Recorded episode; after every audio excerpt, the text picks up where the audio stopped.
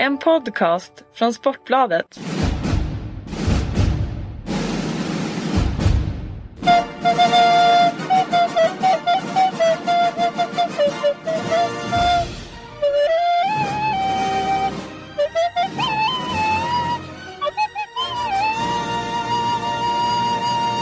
Välkomna tillbaka till... Lite, förkylning här. Så Nö- Nös du eller? Nej, nej, nej, jag bara hostade. Ja. Så det var- Eh, ja, men vi, vi, vi gör ett nytt försök. Välkomna tillbaka till Handbollspodden. Och vi skriver 2016 i almanackan och eh, ja, ni kanske hörde där att vi hade en, en, en kille till med oss som, som vanligt. Kentaro, du är tillbaka. Lång semester har du haft från podden. Ja, från podden ja, men i övrigt eh, har jag inte haft semester. Nej, nej, vi, podden har skickat ut det. Du är ju vår eh, nya världsreporter nu efter, eh, alltså, i god anda efter Staffan Heimersson och Herman Lindqvist och de Ja, här andra, ja. dina generationskamrater. Ja, det låter intressant. Ja, eh, var, eh, var befinner du dig nu och var har du varit? Ja, Just nu sitter jag och tittar ut på ett eh, vinterrikt landskap här. Jag befinner mig på ett hotell strax ja, sidan om Gardermoen, flygplatsen i Oslo. Ja, Tittar ut här och till vänster har jag McDonalds restaurang och till höger har jag en Essomac. Och sen kör han massa plogbilar runt här och, och tar bort snön för det har snöat ganska mycket här. ja okej. Ja, och du har käkat en god hotellfrukost här på morgonen? Ja, frukost på morgonen. Jag kom hit sent igår kväll och, och var hungrig som tusan så då gick jag in på den här McDonalds restaurangen. För att Ja. Nu har jag väl under tio dagar bara ätit eh, nyttigt, sallader och, och grejer. Va? Så nu då känner jag mig värd en, eh, en Big Mac-meny. Hur är det med på hotellfrukostar och sånt? Vad käkar du bacon och, och Nej, liksom? nej, jag har slutat med det. Ägg, ägg äter jag inte heller för det ska inte vara bra som min dotter som är vegetarian. Så jag, hon har fått mig att sluta med ägg och så nu äter jag nästan bara har de havregröt, vilket de hade, har både här i Norge och i Frankrike också för den delen. Så det är mycket havregröt och bör inleda med lite frukt och sen blir det havregröt och sen eh, kopp kaffe i stort sett. Så du eh, utnyttjar inte hela frukostbuffén när du bor på hotell? Nej, nej jag gör inte det. Men det är ju sådär som jag är också vanemänniska. Alltså om man kommer till ett hotell och ska bo där ett tag så börjar man äta någonting så fortsätter man. Alltså det nästan ser likadant ut varje morgon. Ja precis, så är det ju. Och sen, sen blir det när man har tränat bra dagen innan så tar man en croissant också till kaffe. Ja. Men eh, säger hon vegetarian då vill hon väl inte att du ska äta kött eller någonting egentligen? Nej men det vet hon, det är hopplöst att övertyga mig om det. Va? Men alltså små grejer tar jag till mig. Jag äter rätt mycket mer, eh, mer grönt än tidigare. Är det dottern som är i Australien eller är det den? Nej det är dottern som är i Malmö. Ja. Så, som är, eh, ja hon är stentuff där alltså. Eh, hur är det med hon i Australien? Är hon kvar? Vi nämnde väl det då när hon skulle Ja åka? hon är kvar, hon fick jobb nu som assisterande manager på ett ganska fint hotell faktiskt. Så att hon, hon fick erbjudande att stanna i tre år och så hon eh, överväger det lite grann. Men, I Sydney va? Ja, i Sydney. Men jag hoppas att de kommer hem till sommaren. Tre- år är lång tid och då måste jag ju då måste jag åka dit också och hälsa på. Måste åka dit. Det är väl för fasen Ja, perfekt läge att få komma till Ja, Australien. det är för lång flygresa. Du har aldrig varit där va? Eller? Nej, jag har aldrig varit där. Så att, eh, men det, det är säkert fint om man väl kommer dit.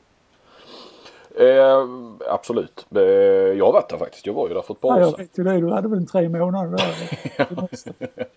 Ja, podden har ju också haft, eh, jag har också haft semester från podden. Vi har ju inte kört sen, det var precis innan Ja, det damernas också. vin. Du? Känner sig, känner sig lite rostig. Ja, eh, vi körde ju något avsnitt där, där du inte var med va? När jag och, eh, ja det var ju Per ja. Damhandbolls-VM. Ja. Ja, Du ansåg inte mig bra nog eh, där va, som expert. nej, jag, eh, jag tänkte på lyssnarna. Ja, jag vet det. Men jag tittar ju lite på dem. Ja. Ja du gjorde det va? Vad, vad Ja. tyckte du då? För det har vi inte, så sagt, vi har ju inte haft någon podd sen dess. Vi skulle ju ha, vi tänkte, trodde ju att Sverige skulle gå eh, lite längre, att man skulle kört någon podd mitt under, men det tog Ja, ju det rätt blev så ju snabbt lite slut. besvikelse där. För jag förstår jag. Men, men jag, jag blev ju överraskad än en gång. Jag tycker att eh, det tar steg för steg dagen och det var många riktigt bra matcher. Mm. Det enda man blir lite sådär besviken det är de här matcherna du vet 45-11 och sådär. Ja. Det, det orkar man inte sitta och titta på. Men när det väl kom till kvartsfinaler så var det ju väldigt många bra matcher. Jag kommer speciellt ihåg den eh, Norge-Rumänien. Det var ju en av de eh, eh, mest underhållande matcher jag har sett på länge. Ja absolut. Eh, och sen var ju finalen eh, var ju kanske inte lika. Det var ju Norge och Holland. Ja men det var, det var ju härliga handbollsspelare. Mm. Alltså, eh, spänstiga, snabba, eh, explosiva. Vilket, eh, vilket man kanske inte har sett tidigare i en final så pass utpräglat. Både Holland och, och Norge har ju härliga typer måste jag säga. Ja, verkligen. Sen är, ju, sen är ju Norge fantastiska. Alltså, de bara trampar på ett otroligt tempo. Spelar ett väldigt enkelt spel egentligen, men de gör det så himla bra. Mm. Uh, så att, och de enda som kunde hota Norge den här gången, det var ju Rumänien. Ja. Rydde som, som förbundskapten. Han har ju, måste jag säga, gjort ett fantastiskt jobb på kort tid och, ja. och skapat ett väldigt bra kollektiv. Ja. Och uh, har en hyfsad stjärna i Niago. Ja, hon är, hon är ju klart outstanding. Det finns ju inte någon som är i närheten av henne. Damernas Karabatic. Ja, det får man säga. Eh, nej, jag träffade Mats Olsson här nu på herrarnas samling för han eh, var ju i vanlig ordning med damerna i Norge. Ja, och så ja. sa jag grattis till och sådär. Det var fan vad ni tog finalen lätt. Ja den var jag aldrig orolig för. Att, liksom, för han menar att Holland Eh, eller aldrig orolig för, men han var mindre orolig för den än, än eh, mot Rumänien till exempel eh, och de matcherna. För han menar att Holland passar oss perfekt. De spelar, försöker spela likadan handboll som Norge kan man ju säga. I mångt och mm. mycket den här snabba kontringshandbollen och den, den är nog svår att slå Norge med, med, med deras egna medel så att säga. Och sen, sen tycker jag också tidigare så har ju Norge nästan alltid vunnit på sin målvakt och alltid haft 50 procent i mm. matcherna. Mm. Men den här gången, förutom finalen, så var det ju inte sådär utpräglat bra målvaktsspel egentligen från Norges sida. Utan de, de klarar sig på, på några andra saker den här gången. Mm. Eh, Sverige då? Eh, ja, man ser ju man ser att det är, det är små marginaler eh, i damhandbollen och Sverige skulle mycket väl kunna, kunna vara i en semifinal de också. Mm. Eh, men de led naturligtvis av att eh, Torstensson, Linnea, inte hade varit Ja, hon var ju inte, hon var lite skadad och ja. kunde inte byggt upp sig inför den här turneringen. Så att eh, det betyder naturligtvis mycket. Va? Så att, eh, eh, men sen blev jag mest besviken på reaktionerna efter man förlorar. Att eh, man går ut i stort sett och, och anklagar förbundskaptenen för det hela och det tycker jag är dålig stil bland tjejerna. Det, det är liksom inte första gången i heller så att där tycker jag man ska skärpa till sig. Ja. Okej okay, okay, okay, att man äh, säger fel så men det måste man ju ta i gruppen på något sätt. Mm. Inte börja direkt efter matchen och, och börja klaga på förbundskaptenen att inte han gjorde något och sådär. Nej, det var dålig stil tjejer. Ska ni vinna någon medalj så får ni skärpa er där. Ja, och ord och inga visor från eh, professor. Sen såg jag väl i och för sig att jag, jag, för att jag lämnade det där redan på natten och, och och tog ledigt då i vanlig ordning. Men eh, att eh, det var ju Bella Guldén som framförallt var, var kritisk. Sabina var väl också lite grann mellan raderna så. Men att eh, Guldén hade ju pratat med Sivertsson sen på, på kvällen där väl egentligen och bett om ursäkt att hon inte menar sådär. Samtidigt är hon så medievan och jag stod ju med där och ställde frågorna ju och, eh, jag och, och, och ett par till. Eh, så, så det, hon vet ju vad hon säger. Det är ju ingen, det är ju ingen eh, spelare eller så som man kanske lurar. Alltså någonstans så är det en väldigt orutinerad spelare så, och rutinerade journalister så kan man ju nästan ibland få dem mm. eh, inmålade i hörn. Men jag tycker att Bella hon är så rutinerad så att hon, hon vet ju vad hon säger och det, därför känner man också att man inte eh, ja, då, då ville hon väl ha ut någonting va. Men tydligen mm. ångrar hon sig efteråt i varje fall. Så. Ja, ja, det är ju alltid bättre att utvärdera sin egen insats innan man går ut och, och mm. kritiserar andra. Och, och så kanske först ta det i en annan ordning och prata med förbundskaptenen först innan man pratar med media på något mm. sätt. Men det, det, är klart, jag förstår ju också att media kommer direkt efter matchen och man är besviken och, och då kommer det kanske fel ord ibland. Ja, och vi stod ju och fiskade lite efter det va? Vad, vad, ja, vad de egentligen tyckte. Jag känner ju er. Ni är ett, ni är ett uh, fult gäng alltså. Jaha, nu är det ni. Det brukar vara vi ibland när du ska ha ja. akkrediteringar och sånt. Ja. Då är du med oss. Ja. Men här är du på, alltid på tränarens sida. Ja, jag är alltid på tränarens sida. Ja. Eh, nej, och, och, bara för att avsluta det så tror jag också att att det kanske låg med lite att eh, det här med Klingvall och det som hade hänt en gång. Att, att eh, det är väl det som också, precis som gör att du reagerar också. Att det där, den, ja, den grejen tror... har de ju kört en gång va? Det, det, det ja. kan inte vara... Och jag tror många med mig faktiskt. Ja. Som jag har pratat med. Utan att nämna några namn. Mm, mm. Eh, Jaha du, ja vi kör ju i stort sett själva idag. Vi ska faktiskt eh, här väldigt snart släppa in en gäst som ska med en liten sväng. Eh, det är faktiskt vår sponsor Robert Arrhenius. Eller han är ju inte vår sponsor men hans företag. Han ska, ah, vi, vi bjuder honom på lite utrymme och, och förklara för nu börjar det hända mer med hans app där och eh, mm. dessutom så är det ju en, en handbollsprofil och vad han sysslar med idag och kontakt med med handbollen och kanske lite om Skövde och krisen som är där. Det är ju en Skövdegrabb. Ehm, men som jag var inne på, du är ju eh, poddens världsreporter numera. Själv sitter man ju här mest på sitt kontor i Helsingborg. Ute i ett gammalt garage. Men eh, för du har varit och rört på dig ja. Du har varit i Frankrike. Ja, vi har ju liksom Sverige har vi ju samlat ihop gänget nu inför EM. Och, mm. och ja, det, vi har varit ute nu en, det var förra lördagen, den 2 januari tills ja. nu. Ja. Uh, tränade först på, på hemmaplan uh, fem, sex dagar. Sen åkte vi då till, till Frankrike och spelade en turnering där och nu är vi tillbaka i Norge. Och uh, spelarna fick idag sin första fridag. Mm. Uh, många utnyttjade då att åka, hem och tre, fyra är kvar på det här hotellet där jag också bor. Ja, okay. Så att eh, jag tror det kan vara rätt bra att, att lägga en fridag här. Så samlas vi imorgon igen och kör träning, eh, träningspass imorgon tisdag och sen åker vi till Polen på onsdag. Och sen börjar det på fredag EM. Vi börjar en dag tidigare än Sverige. Ja, den 15. Så att eh, så ser det ut. Va? Det har varit mycket träningar eh, och det är mycket möten och, och det, man stiger upp klockan sju och går och lägger sig ungefär klockan tolv. Så, så ser det ut. Mm. Eh, det är två träningar om dagen och sen är det, ja vi tränare har möten tillsammans och sen är det möten med spelarna. Det är rätt intensiva dagar va? Alltså. Ja det är väldigt intensivt. Jag, jag eh, får nog säga det. Det, det är tuffa, tuffa veckor de här när man ligger så här tätt tillsammans. Och det är ju väldigt viktigt att man har en bra stämning i gruppen också. Eh, när man är ute så här pass lång tid. Men det, det fungerar i Norge. Är, är du med lite som, utan absolut inte förringa det, det du gör. Men är du med lite som stämningshöjare och god gubbe med Kent? Ja, jag har väl blivit det med, med åren. ja, ja, du höjer ju stämningen här jag, nu. Jag pratar att... rätt mycket med spelarna och mm. försöker vara lite positiv och uppmuntra dem. Kommer med lite småråd och sådär. Även om min sysselsättning är egentligen att vara, vara mentor och coach till, till tränarna.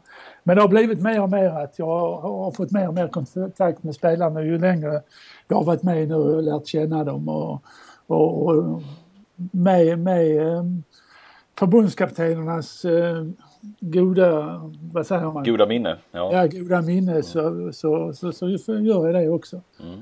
Och jag tar ibland lite snack med, med vissa spelare också. Sådär, så att, ja, jag tycker det är kul.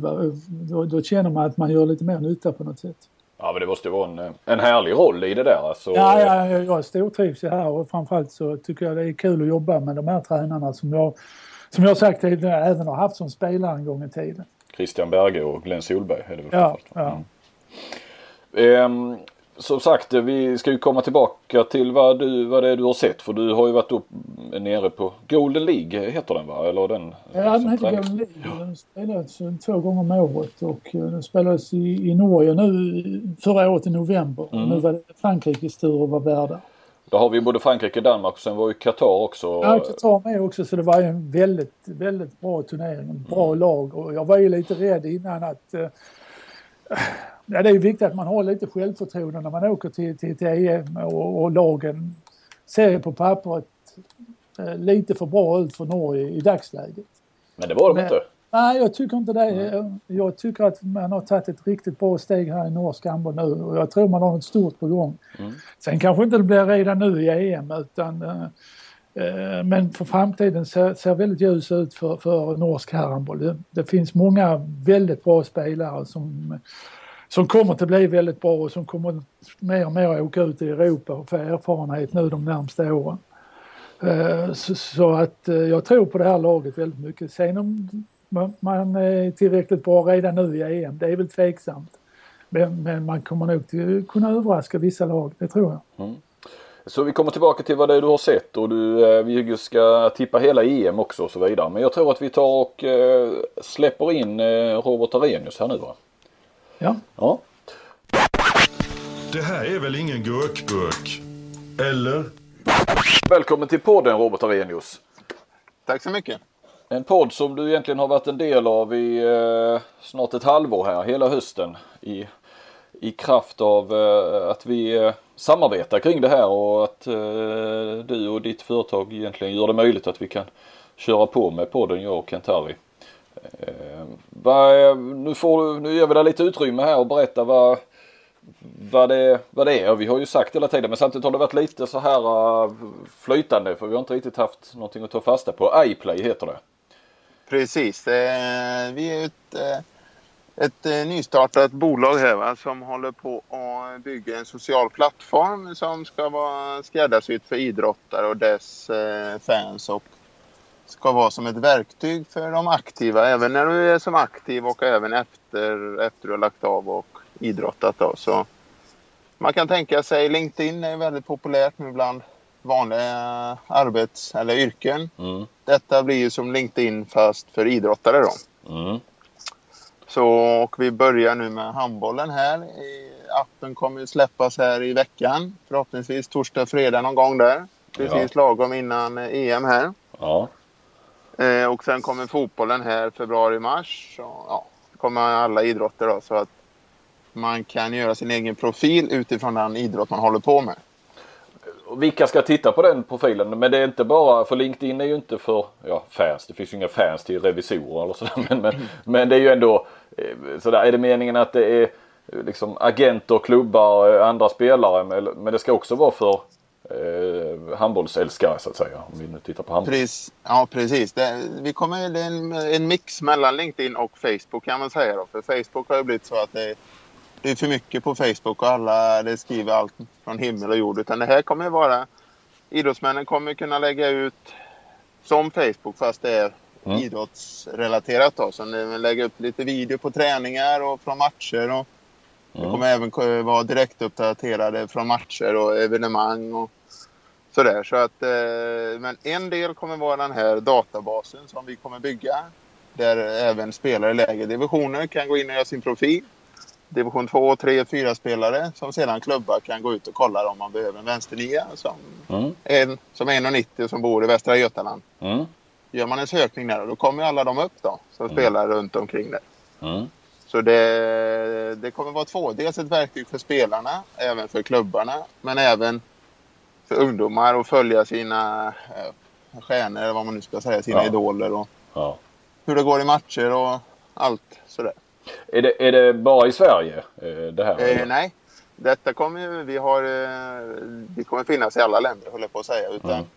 Handbollen nu startar vi här så har vi knutit till oss superusers som vi kallar dem. Det är landslagsspelare då, som ska börja använda detta för att sköta sin sociala eh, kommunikation på nätet. Då. Så vi har ju signerat både Mattias Andersson, Bella Guldén, Fredrik Pedersen, Jonas Kjellman, Ola Lindgren, Tobias Karlsson, Niklas Ekberg. Mm. Nu inför mästerskapet nu då. Så här kan ju, så fort appen är ute så kan man ladda ner den och så kan man följa dem. Ja. Under eh, resan här nu under EM och det.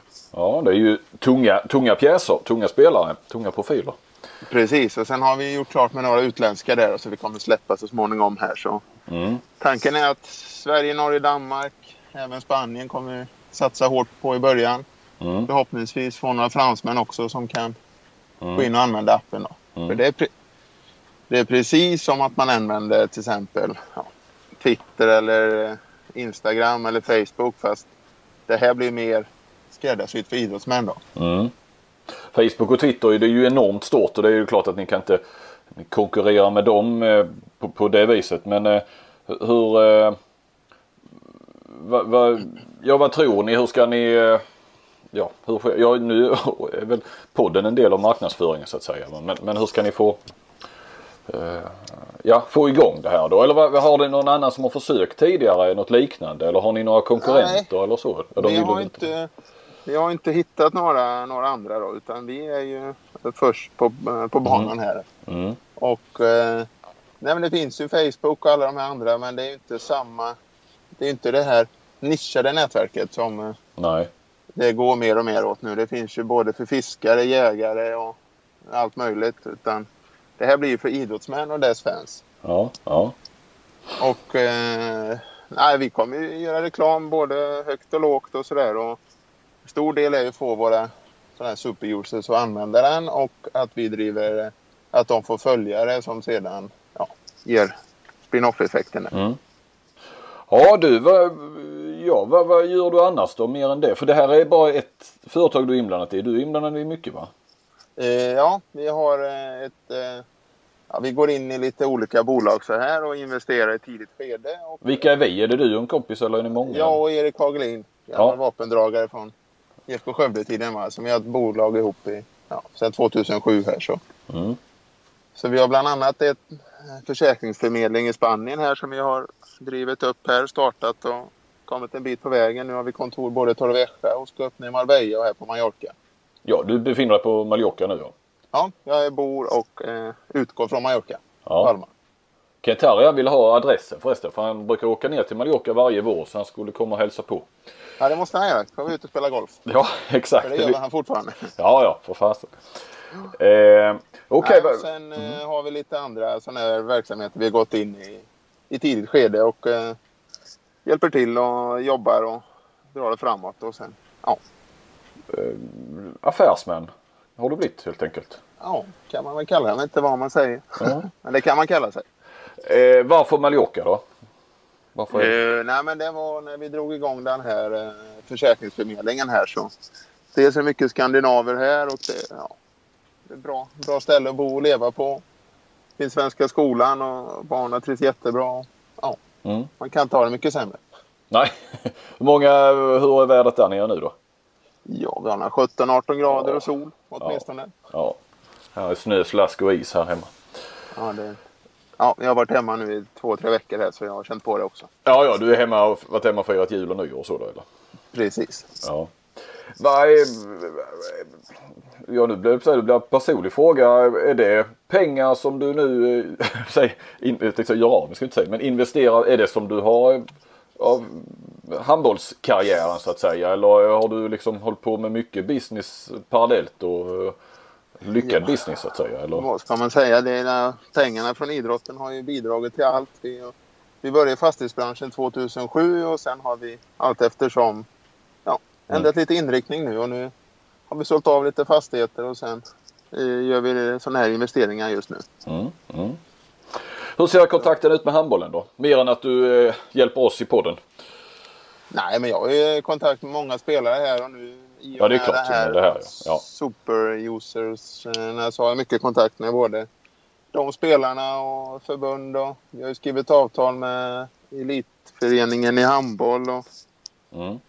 så min roll i det hela, jag blir ju som, eftersom detta ska vara ett verktyg för de här handbollsspelarna, så jag kommer vara ansvarig för handbollsdelen utav, utav den här appen. Då. Mm. Sen har vi Marcus Johannesson, eh, fotbollsspelaren. Experten va? Ja, Ja, han är också delägare. Ja. Så han kommer ju göra mitt jobb fast för han, fotbollen här när jag drar igång i februari-mars. ja okej. Så eh, vi, alltså vi samlar ihop vad tycker de, vad behöver vi? Vi kommer ju, det här är ju eh, version 1 som kommer ut här nu i slutet på veckan här. Sen kommer vi ju förbättra hela tiden och lägga till funktioner och vi kommer bygga här CV-databas som man enkelt kan lägga upp Mm. sitt CV eller vad man har läst och så kommer det finnas där så kan arbetsgivare gå in och söka efter någon som vill ha arbete. Mm. Vad är, saknar du handbollen, eh, spelandet så att säga? Ja, ibland eh, blir man lite sugen sådär men eh, jag hjälper eh, laget lite här på, på Palma här och vi tränar. Vi har dragit igång en handbollslag på Svenska skolan här så vi har en 30 ungdomar som tränar två dagar i veckan och två lag i seriespel och Mm. ska snart åka på ungdomsturnering på Ibiza. Så lite handboll får jag allt. Vad hur är, finns det någon eh, större klubb på Mallorca som har varit med i ligan och sådär eller hur? Nej, de har varit i näst högsta ett år. Ja, Och nu ligger de i andra ligan då. Svenska, ja. Det är ju högsta första och sen andra ligan då. ja, ja precis. Så det är tredje divisionen på sätt och vis. Ja. Kan man säga. Ja. Vad är, mm, hur har du någon kontakt med Skövde och Skövdehandbollen då? Nej, vi är hemma på både jul och sommar. Men hemma i Skövde lite och pratar med dem där. Och Liljestrand har jag haft sen innan så han känner jag väl så jag har pratat lite med dem där. Så de har inte så jätte muntert just nu. Nej. Va, då har du som sagt du, du har varit hemma och blivit lite uppdaterad. Va, Mm. Vad tror du om Skövde då? Vad va, vad händer eller vad, vad är lösningen? Ja, vad händer? Vi hopp... Framförallt så hoppas man ju att när vi får till en lösning så att ungdomsverksamheten kan fortgå som den gör.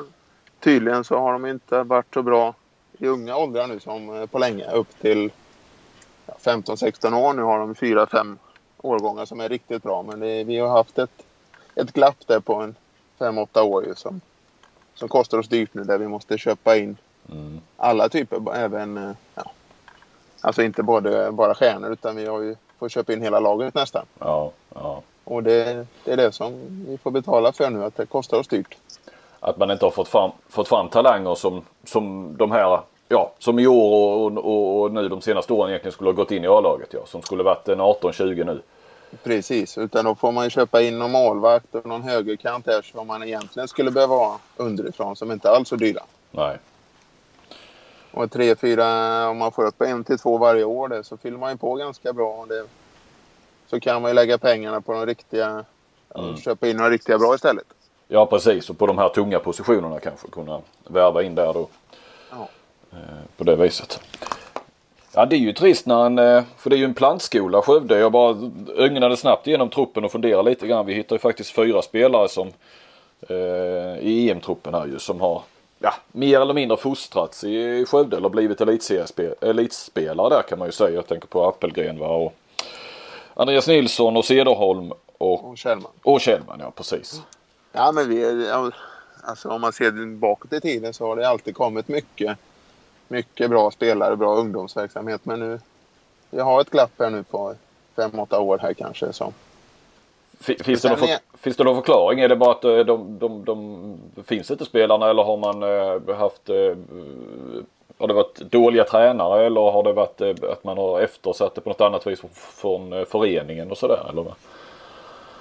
Nej, men det blev väl eh, för ett tag sedan där, eller det, detta är ju många år sedan, men de satsade kanske lite för mycket på A-laget och glömde av de här, fostra de här bra juniortränarna, ungdomstränarna.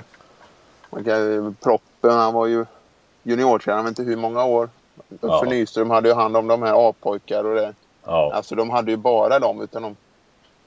Och det är klart om man ser i efterhand vilka jäkla bra tränare det var. Ja. Ja visst. visst. Så det är viktigt att ha bra ungdomstränare. Så Mm. är det bara. Du eh, landslaget, vi står ju ett, det är ett EM som står för dörren. Mm. Va, va, har, har du sett träningslandskamperna här nu? De Ja, jag spelas har ju i sett de Spanien. här eh, alla tre höll jag på att säga. Ja. Nej, inte Spanien så jag inte. De var rest av, men annars har jag sett dem. Ja. Eh, Så det är väl ömsom vin, ömsom vatten man Det säger. kan man väl säga. eh, ja, ja, jag, just nu så jag så, du, du är så jävla negativ så jag har låga tankar om hur det ska gå. Vad vad- vad tror du? Sen är det ju, det är ju träningsmatcher och det är klart de är många orutinerade spelare som får vara med och ta stort ansvar. Men jag tror det får de eh, sätta sig ner nu och analysera motståndarna här. Så mm, vi har ju spelare som är så hög nivå här så jag tror ju att med Kjellman och Tobbe Karlsson, Mattias och de här vet att göra tre bra matcher här, det klarar de av.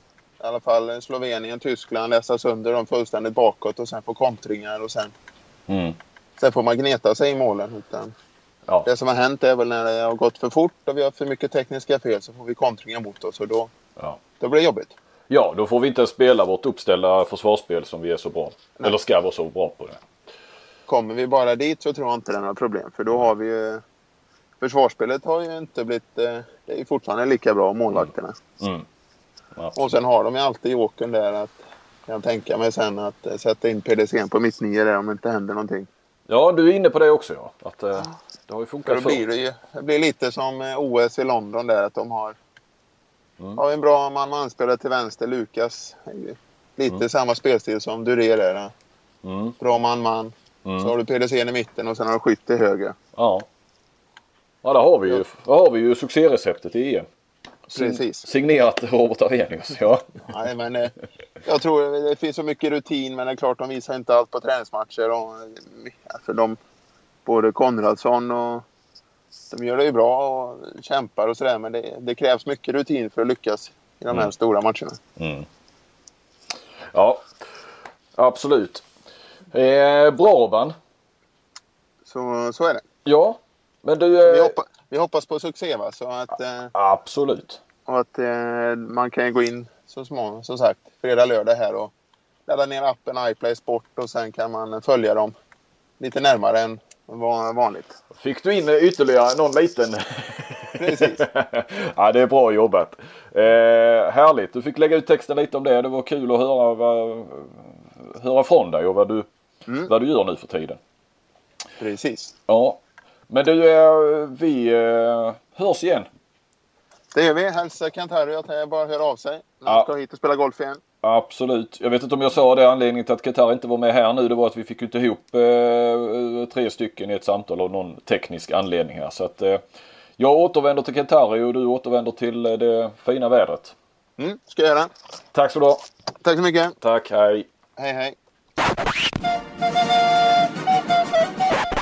Ja, det var eh, Arrhenius det. Det var kul att höra lite vad, vad han pysslar med. Eh, ja, du eh, kunde inte vara med där Kent. Nej, vi, vi hade lite te- tekniska problem. Så är det ibland när tekniska problem inte kan lösas. Ja, det är ju inte några av våra specialområden någon av oss. Att, eh, Ver- Verkligen inte. nej. Eh, men du var välkommen eh, ner till... Ja, Eh, ja, men då ska jag nog utnyttja det i så Ja. fall. För att jag brukar ju åka alltid ner i april, maj. Inte Ja. ut till Mallorca. Så att, eh, det ska bli kul. han ville spela golf. Ja, att, eh, gärna det. Ja, jag sa det att du behövde ju, du behövde ju träna. Jag behöver lite vinster. Ja, nej det sa jag inte men eh, ja, han hade 17 grader varmt nu du och sol så att eh. Det var bli- ju faktiskt i Paris 8-9 grader också. Så att, eh, ja. och här är väl bara är väl minus 7-8 kan jag tänka mig.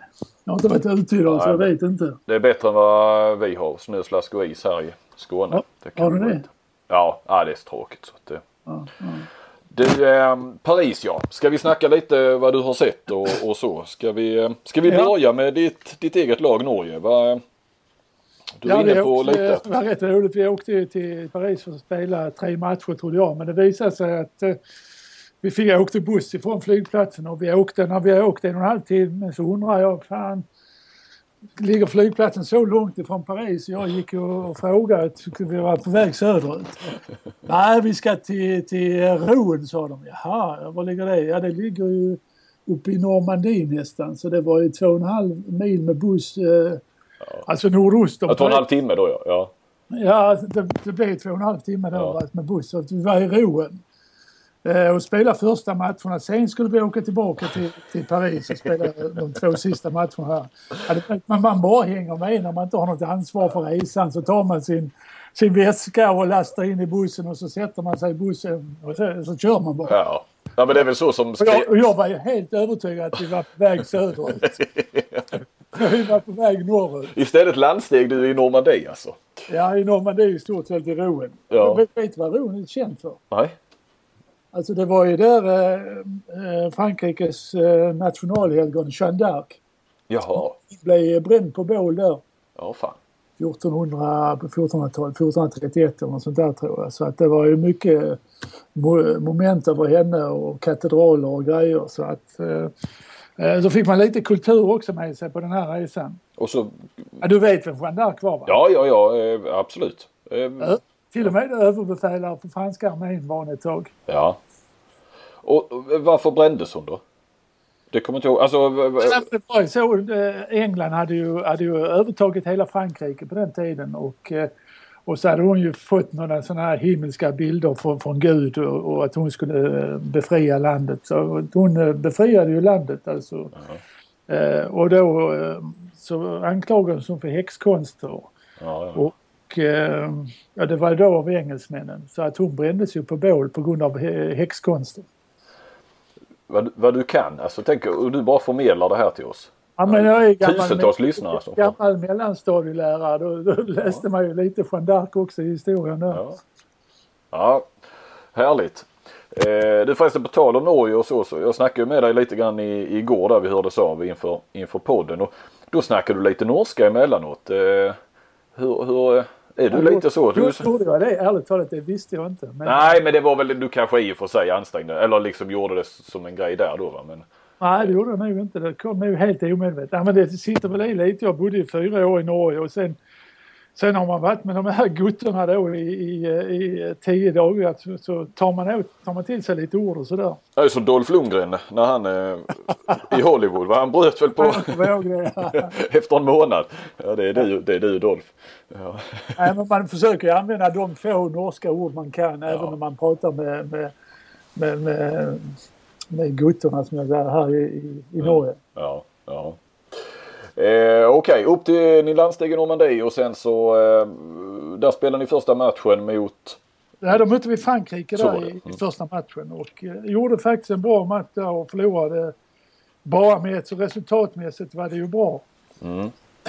Och sen eh, spelade väl, eh, ska vi säga Danmark slog Qatar i den andra matchen. Ja. Eh, jag tyckte, jag tyckte ju här att eh, Frankrike såg väldigt tunga ut men jag vet ju också att de ligger på rätt hårt eh, läger innan alla mästerskap och, och flera veckor längre än vad, vad, vad Norge och Sverige gör. Ja, jag vet. Ligan slutar ju tidigt den 19 december och sånt där tror jag. Sen ligger de på läger. Mm. Eh, Karabati såg tung ut men han spelade i alla fall. Och, eh, sen har man ju lite skadeproblem på 9 meter. Han sa ju där att de hade en sex skadade 9 spelare men då man kommer ihåg eh, det var Cambry och, och eh, Barachet. Ja, och Fernandez den gamle är ju också han. Fernandez, men han hade nog inte räknat med i detta, i detta EMet ändå. Han är ju snart 40 år. Ja, så, så, att, eh, men de hade ju lite nytt folk.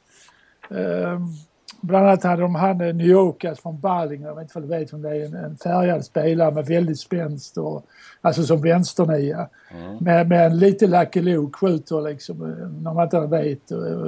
Ja, du vet den typen va. Mm. Mm. Um, Sen vad hade de med? En som heter Port från Toulouse, vänsterhänt högernia. Ja men det var han som slog igenom i ja, EM ja. va, för två år sedan? ja det kan nog stämma. Mm. Han med tidigare. Ja. Men sen var de gamla kända namnen med med Ormajör, Baloo, Sverre Hindu, Narciss och Karabatic-bröderna och Mahé, han som spelar i Flensburg, Gugova. Så de har, de har ju ett skapligt lag ändå.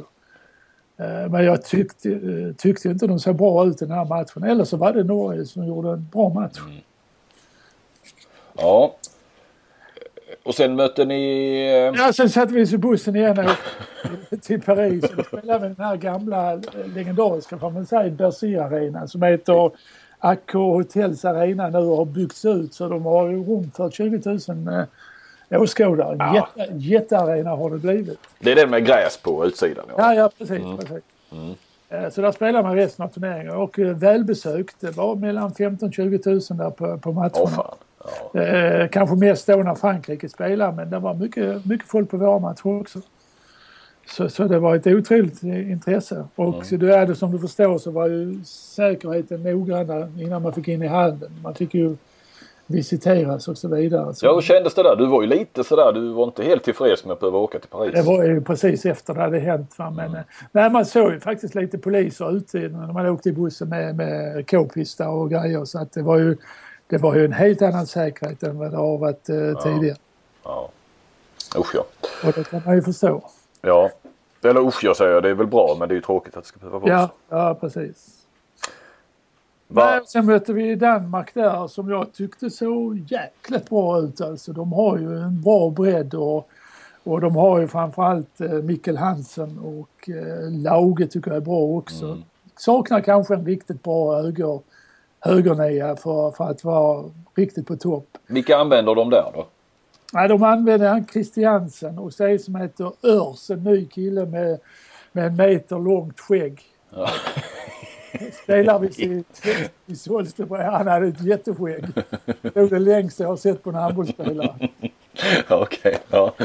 Ja, och sen har ju han, den ena Toftbrodern har ju blivit skadad, korsbandsskadad, han som spelar i Kane. Nu spelar hans bror Henrik Toft. René är skadad ja, det är väl en ja. jobbspost? Ja, det är en riktig jobbspost för dem, det, det tror jag. Ehm, och, och, nu har de Nödesbo och hans bror Henrik Toft.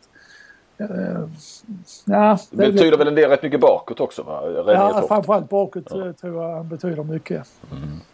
Och sen, sen har de fyra kantspelare som är världsklass allihopa. Så att de, och Landini i mål tillsammans med Möller som står i Flensburg. Så att, att de har ett riktigt bra lag som mycket väl kan vinna EM, tycker jag. Och, och jag trodde mer innan och de hade mött, eh, de hade mött Frankrike i sista matchen när de fick storstryk läste jag. Jag, såg inte den matchen. Nej, det var väl det som helt plötsligt gjorde att, ja, då började man... Ja, då börjar man liksom, oj, är Frankrike så bra liksom? Och, och är inte Danmark så bra? Nu fick ju Danmark ett par skador här i den här matchen. Bland annat Damgård, den nye, Ja. nye storspelaren som spelar i Magdeburg nu. Det snackas om en vecka, att han ska vara borta en vecka, sen ska Ja, okej, då är han tillbaka igen. Mm. Men han blev skadad i den här matchen och är en, en lurig, otroligt explosiv spelare. Han ser inte mycket ut för världen. När man sitter på läktaren ser han väldigt liten ut men oj vad det går snabbt när han skjuter. Ja, ett klipp va, alltså just Ja. eh, explosiviteten. Ja, ja.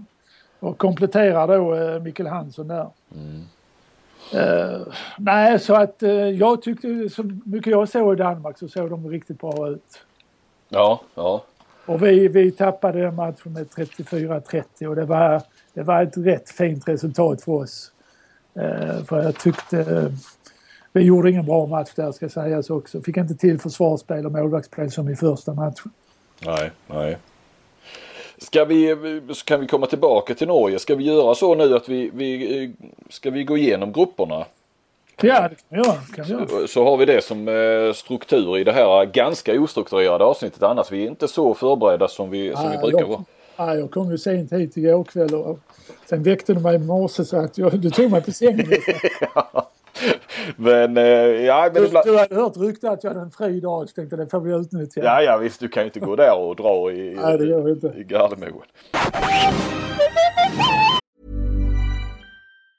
Meet 2024's most anticipated robot vacuum, Eufy X10 Pro Omni. With powerful 8000 PA suction and MopMaster's dual mop pads, it keeps your floor sparkling clean.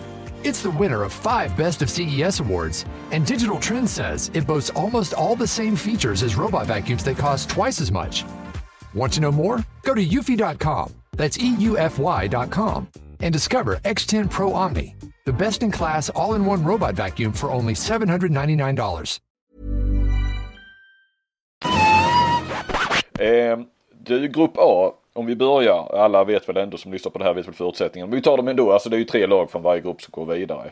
Eh, grupp A spelar i Krakow och vi har, hittar ju Frankrike naturligtvis. Eller ja, naturligtvis att de är där, det vet vi inte. Men Frankrike är med. Hemmalaget Polen, Makedonien och Serbien. Ja. Eh, vad, eh, vilka, vilka tre går vidare där tror du? Jag kan ju säga så här att in- innan den här, den här veckoslutets eh, matcher så trodde jag väldigt mycket på Polen. Blev väldigt överraskad över den stora förlusten mot eh, Spanien. Ja, de gjorde Och 12 att- mål, Ja, 26-12. och att de inte slog Sverige kanske lite klarare. De är under rätt länge den matchen vad jag förstår. Ja. Eh, Så där har jag nog eh, dragit ner förväntningarna lite på Polen så att jag- här tror jag då att Frankrike kommer att vinna gruppen på och ta fyra poäng med sig. Mm. Polen tror jag att på grund av hemmaplan och allt det här eh, betyder ju mycket i mästerskapet på hemmaplan. De tror jag kommer med, går vidare med två poäng och sen tror jag Makedonien kommer med också med, med noll poäng. Eh, jag tror inte riktigt på Serbien. De har eh, eh dels har de ju, Ilic är inte med, Vesprem Ilic är inte med och Ilic vänstersexa som leder skytteligan i, i Frankrike vänster, eh, är inte med heller, skadad och Vujin är inte med. Så jag, jag, jag vet inte riktigt vad de har för lag Serbien men jag tror inte på dem. Nej, nej. Nej, jag håller med. Och då som sagt Serbien är väl de som brukar framförallt underprestera utanför Serbien så att säga. Ja. Ja. Eh, ja. Nej, så den eh, gruppen är väl rätt klar vilka som går vidare där. Mm. Eh, och nästa grupp B spelar i Katowice, tror jag det uttalas. Ja. Där har vi Kroatien, Island, Vitryssland och Norge. Ja, alltså den gruppen är ganska jämn tror jag. Ehm, jag tror att Vitryssland uh, inte kommer att gå vidare. Nej. Men ehm, de har ju också gjort bra resultat och spelade bra eh, i, i eh, senaste VM. Men eh, jag, jag hoppas de tar sista platsen så att säga. Ja. Och sen, eh, sen tror jag att, eh, att Kroatien får vara favoriter i den här gruppen. Ja, Men hur bra är, är alltså att Slovenien slog ju Kroatien ganska eh, Ja, lätta men det- utan Duvnjak i och för sig. Ja, ja. Nej, jag vet inte heller hur bra Kroatien är.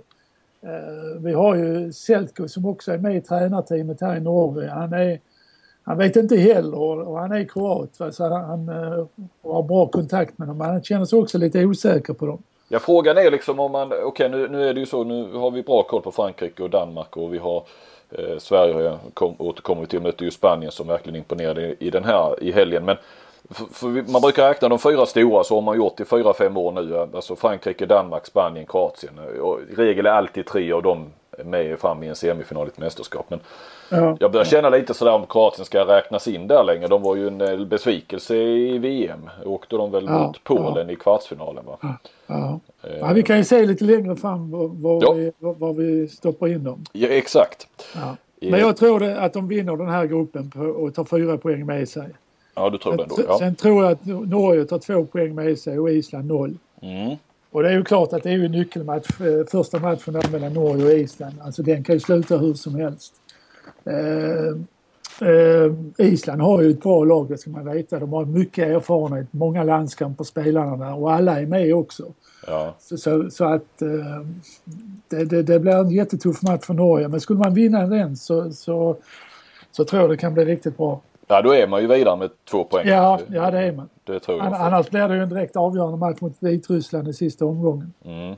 Men jag är optimist och, och tror att Norge tar med sig två poäng. ja, det är, det, det, det är en hel del hjärta i tipset där, eller hur?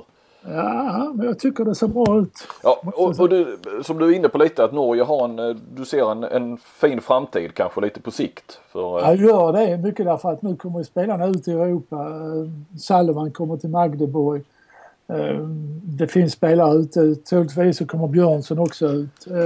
Eh, den här unga talangen Sander Sagesson som spelar i Ålborg nu, han är ju redan ute. Men, men liksom i, i Lukas Nilsson så är det många, många föreningar som drar i honom med nu, ut honom till ja, både Frankrike, Tyskland och så vidare. Mm. Eh, så att jag tror nog han kommer att ta nästa steg kanske redan inför nästa säsong. Ja. Hur eh, ser elitseriebekantingen ut då i norska? Hur mycket kommer de att få spela i EM? Om du tar deras ja, status. Alltså både, både, både Björnsson och, och Salvan är ju viktiga spelare. Nu har ju eh, Salvan varit skadad men har fått mer och mer tillit i matcherna. Spelar nu sista matchen mot Qatar spelar han i 45-50 minuter som trea också i försvaret. Eh, Björnsson är ju en 60 minuter spelare i landslaget också liksom i Kristianstad. Mm. Och, och, gör det fantastiskt bra här också i den här turneringen. Och eh, tyvärr har Torbjörn Bergerud, Lugis målvakt, varit sjuk så att han har inte, han har inte stått någon kamp. Han varit sjuk hela tiden. Är han med? Till, är han, med? Han, han är med men vi isolerade honom eh, så, så att, och har inte kunnat träna och eh, så det är lite frågetecken för honom. Men han, alltså man, man åker med tre annars till EM? Ja, vi, vi kommer åka med alla tre till, till mm. Eh, till, sen, sen är ju frågan om man ska låta en sitta sidan om bara anmäla 15 spelare. Mm och bara med två målvakter från början. Men eh, eh, då får vi se vad, vad som händer där. Och, och målvakter är det ju Erevik och så har vi då Espen ja. Alltså. Ja, Erevik och Espen och de gjorde ju varsin eh, riktigt eh, toppmatch i den här turneringen. Eh, Erevik mot eh, Frankrike i första matchen, väldigt bra. Och Espen i sista matchen så, som Norge vann över Qatar. Ja, jag vet inte, den kanske jag gick snabbt vidare där. Ja, ni, ni där, där, där vann Norge med ett mål. Där gjorde Salman faktiskt sista målet när det var fem sekunder kvar och blev matchhjälte. Ja, och man ska ju veta att Qatar går ju verkligen in för sådana här turneringar. De vill ju vinna till varje pris. Ja, vad, vad berättar du? snackar lite med dem. De eh, förbereder sig rätt bra för OS kan man väl säga va? Ja, jag pratade med Koss, gamla bekantingen från Kristianstad-tiden, målvakt där och har varit tränare i många år och bott i Sverige i många år. Mm. Och har kvar en lägenhet i Malmö fortfarande. Ursäkta, jag fått lite hosta här. Ja, ja, det hörde vi redan. Eh, han är ju då målvaktstränare, men han satt, jag trodde han satt på bänken också, men han sitter ju bakom bänken. Jaha, okej. Okay. De har ju då eh, Rivera som tränare sen har de tre från, från Qatar med på bänken också. Så att han, eh, han har inte fått plats där. Men eh, han berättade då att han har ju snart varit där i tre år i Qatar. I april sa han. Mm. Och, har, och har kontrakt till 2020. Och så det är ju... Uh, han behöver inte jobba mer sen du. Det tror jag inte. Nej. det är oljemiljonerna där med precis som det är för dig ja. Nej, det, det är nog helt andra pengar där. Han, eh, han eh, berättar ju att han har bott på hotell de första elva månaderna. Och det var, han, han var ju trött på hotell kan man säga. Så han och hans fru hade köpt en lägenhet nere vid beachen. Så att han bor där nu. Ja, okej, okej. Och så har han lägenhet kvar i Malmö sa han och barnen där. Va? Så att, men han får inte mycket tid att åka hem. De har ju som sagt eh, mycket turneringar. Eh, de samlar landslaget under säsongen tre dagar i veckan och bara nöter landslagsspelarna. Och, eh, otroligt. och så berättar han alla, alla spelar ju i Qatar utom Saric, alltså Barcelonas målvakt. Ja, Som var nere för den här turneringen. ja så åk-. Mm. Ja, han var med, här men sen åker han ju tillbaka till, till Barcelona. Ja. Så de har ju bra förutsättningar. Sen ligger de ju massor med dagar inför eh, OL i, i Rio. Vänta, Nu sa du OL till exempel. Oh ja, Do. O- Ja, jag kunde Dolph. Ja. Ja, vi förstår vad du säger. Men eh, eh, ja, det är ju fantastiskt vilka, vilka förutsättningar. Eh, alltså tänk dig, ja. Det kan ju de svenska förbundskaptenerna bara drömma om när de Ja. går kampen mot klockan för att få ihop det här nya laget. Alltså, så, så ligger de i, de är redan klara för OS då ju naturligtvis. Eh, Det vet Ja, de vann ju eh, asiatiska mästerskapet är det väl så, att- som eh, tar ut det. Mm. Eh, Ja det är det kanske. Nu, ja det är ju så mycket med det här. Eller tog de plats? Nej det kan de inte ha gjort från VM tvåa. Nej det gjorde de inte men. Nej de tog OS. Den direkta OS-platsen tog de via sitt kval såklart. Ja, ja. Eh, Så att, nej, men så har de Saric och Stojanovic, också en gammal stormålvakt. Mm. eh, Capote vänsternia, Malac en väldigt intressant mittnia. Och eh, sen Markovic eh, vänsterhänt högernia. Så de har en bra uppställning tycker jag, bra mittsexa. Ja de några nya utländska spelare också. Nej, de har inte det va. Och jag försökte ju... Eh, nu tänkte jag... Jag hade hoppats släppa en bomb här nu i podden att, att Kim Ekdahl var klar för Qatar till OS. Men... Eh, Ja det hinner han inte va? Jag såg någon Nej, uppgift. alltså, de det är till VM 2017 skulle han kunna vara det. ja. ja, alltså de, de är inte intresserade varken av Kim Ekdahl eller Kim Andersson. Så att eh, Nej okej. eh, de tror mycket på sina egna spelare. De har många lovande spelare på, på gång i, Qatar. Ja. Så du menar att de inte, de jagar inte så mycket utländska spelare Det, längre? det verkar inte så på Kost i alla fall. Nej. Ah, det är klart. Det kanske han måste säga också eftersom det är ju rätt så tuff kritik mot deras sätt att, värva. är- så är det nog. ja. Du, eh, ska vi lämna Norges grupp? Ja, där Då- fick vi alltså med oss Kroatien, Norge och Island. Ja. Japp. Och så går vi till grupp C. Vroslav spelar vi i och vi, det är Sveriges grupp med Spanien, Sverige, Tyskland och Slovenien. Eh, är det den tuffaste gruppen eh, Kentari? Många vill ju säga det. Eh, Kanske då som... som Alltså jag, jag vet inte, alltså Tyskland tror inte jag är så bra. Alltså.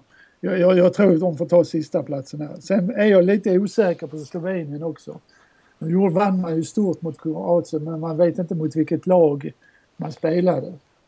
nej, nej, det är ju det där med träningsmatchen. nu. Och det är ju helt klart att Spanien kommer ju vara outstanding i den här gruppen. Eh, De har imponerat i den här turneringen man hade i Spanien. Plus att man har Sterbic tillbaka i mål. Det kommer att betyda jättemycket. Mm. Eh, Bra försvar av Sterbic. Det, där, det kan man vinna EM på. Ja, fantastiskt försvar. Alltså det de hade mot Sverige, de, de, bara, de bara snodde ju bollen. Alltså. Och Moros och Guardiola och, och de går ju upp i, båda går ju upp i kontringen med liksom. Så det blir ett jäkla tryck även, även där. Ja, ja, ja, mycket, mycket imponerande. Men de har ju ofta imponerat innan stora turneringar också i Spanien. Men så har de inte riktigt fått till det eller förlorat eh, viktiga matcher. Ja. Ja, Okej, ja det, okej, de har ju vunnit någon gång också. Så att, eh, eh, men vi får se lite längre fram. Men jag, jag tror faktiskt, nu är jag väl optimist kanske, jag har ju inte sett Sverige de här matcherna hur det har sett ut. Men, nej, du har inte kunnat göra det nej. Nej, precis. men jag tycker att Sverige har en, eh, kanske en, en av världens bästa målvakter. Mm. Och man har ju äh, Appelgren sidan om som inte är dålig heller. Ja, paret det kanske, är kanske i varje fall, det måste ju vara topp tre i världen som par Ja, betraktat. mi- minst. Minst Ja. jag att det är det. Och sen har man ett bra försvarsspel, eller borde ha ett bra försvarsspel med Tobias Karlsson som dirigent. Mm. Man har ett eh, världsspelare på sex meter måste man ju säga. Eh, Man har ju två mittsexor som jag tycker håller absolut högsta världsklass. Ja, Nielsen nu eh, har ju verkligen visat och gått eh, och nu ska han väl till PSG. Det snackas om att det ska bli klart idag tror jag. Så att, Ja. Ja, det är kul för honom. Verkligen mm. bra kille och, och det undrar jag verkligen honom. Mm. Och, sen har man ju vänsterkanten Kjellman och Pedersen är ju också världsklasspelare måste man ju säga. Ja. Ekberg spelar i Kiel, spelar mycket i Kiel. Mm. Äh, Zachrisson bra komplement till honom så på sex meter så, så ska han matcha de flesta länder tycker jag. Ja och där känns det ju som, vi eh, ska inte kalla överflöd, men det spelar, just nu känns det som att det kanske inte spelar någon roll vem som spelar. Sen har Kjellman en särställning bakåt då med alla roller han kan spela där. Men framåt ja. känns det som, och jag tycker Zachrisson är ju en jävla måltjuv också. Som, ja, ja. Det, det, är ingen större skillnad om han eller Ekberg spelar tycker jag just, eh, just nu. Så att eh, där, nej, där kvittar det ju vad man sätter in. Men sen ska det vi måste ju ha några på 9 meter också. Ja och det har inte sett bra ut vad jag förstått i de här tre matcherna. Nej, verkligen inte. Alltså det... ja, och kanske inte så konstigt heller. Det är ju många oerfarna spelare. Eh, jag menar Lukas Nilsson ska inte spela i en första uppställning tycker inte jag. Eh, utan han ska ju vara lite joker och kasta in. Han är inte mogen att föra det här laget, styra det här laget. Nej. Um, så, så, så, att där har man ju lite att jobba med. Och ett problem är ju också tycker jag, jag tycker Sverige har spelat för mycket träningskamper.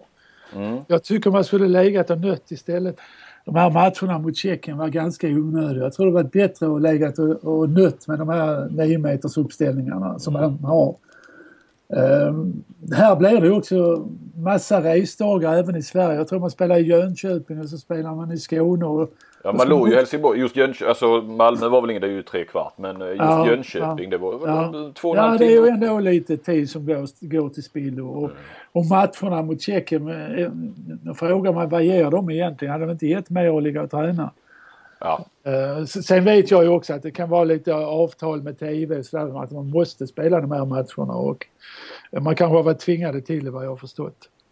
Ja, ja det är möjligt för jag kan hålla med där. För så gjorde Norge va? Ni, ni låg och sen så och spelade ni tre matcher i, ja, i en ja. fyrannationsturnering. Sen vet man ju inte om det var det bästa när resultatet ska ges i EM. Men, men, men tanke på att eh, Sverige har så många nya spelare på 9 meter så tror jag man, då behöver man ju nöta ännu mer med dem.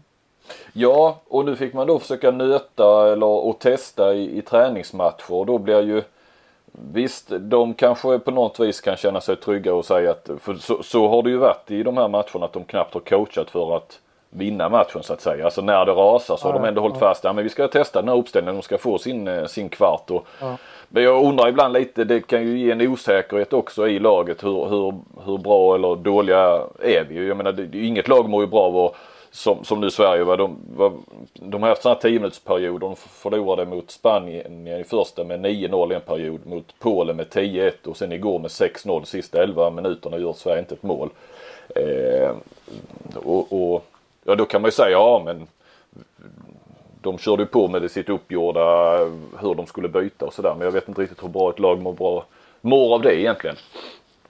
Nej, men å andra sidan så, så är ju inte resultaten så viktiga i sådana här turneringar. Nej, men om du tittar hur det sett ut så har du, du har inte sett bra ut nej, heller. Nej, jag har inte sett matcherna. Nej. Så jag kan inte uttala mig om det egentligen. Uh, nej, nej, ja, det är ju inget hänga upp sig egentligen att man förlorar tre matcher eller om man hade tagit två poäng i den här turneringen. Det spelar väl mindre roll, men det är ju bara det att det, det har inte sett uh, något vidare ut heller i perioder. Det var väl första halvlek mot Polen som jag bara såg med, med ett öga ska sägas. Att, uh, då var det ju rätt mycket kändes som att det var Lukas Nilsson som kom in och exploderade och gjorde fyra mål i en halvlek. Och det var det som var skillnaden. Eh, dessutom mot ett defensivt 6-0 Polen 6-0 då. Eh, det känns, jag tycker att de verkar ha problem så fort det blir någorlunda offensivt lagt eh, försvar.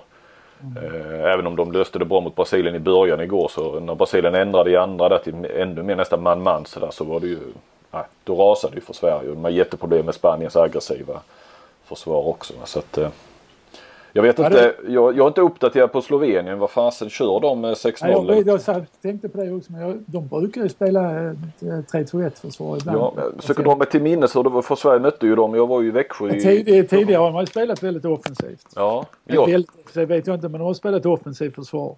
Jo, det är klassiska Balkan. Men jag, jag har nästan för mig att de spelar 6-0 nu. Jag vet inte. Vad gör. Tyskland? Har du? Ja, Tyskland är garanterat 6-0. Ja, det är det va? Ja. Ja, det tror jag. Men jag tror fan att de tittar på Sverige nu så jag, det är klart att de eh, plockar in alternativ och kunna slå om till eh, mot Sverige. Det är jag rätt övertygad om när de ser vilka problem Sverige kan få.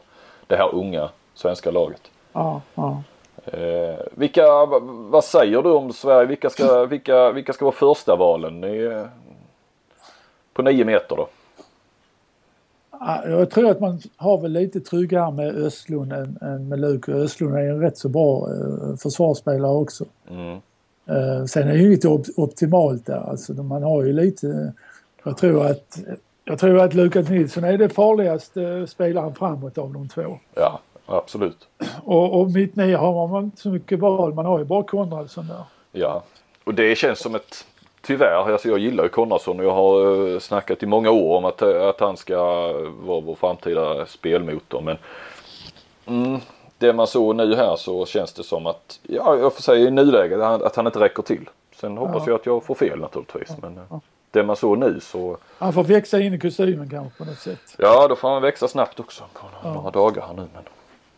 Och sen är det väl eh, Johan Jakobsson, hur ser han ut? Han har inte spelat mycket på sista tiden. Nej, och, och, och tyvärr så kunde jag inte se mycket av eh, matchen mot Polen. Men jag förstod då eh, att, att där, där var han helt okej. Okay, men eh, han var inte bra mot eh, Spanien och det, mot Brasilien igår var väl inte heller något. Ja, men då kan jag tänka mig att han har problem med just offensiva försvar. Ja, jo det, det precis. Det har han väl haft i alltid mer eller mindre. Så att, eh, där finns ju en potential såklart.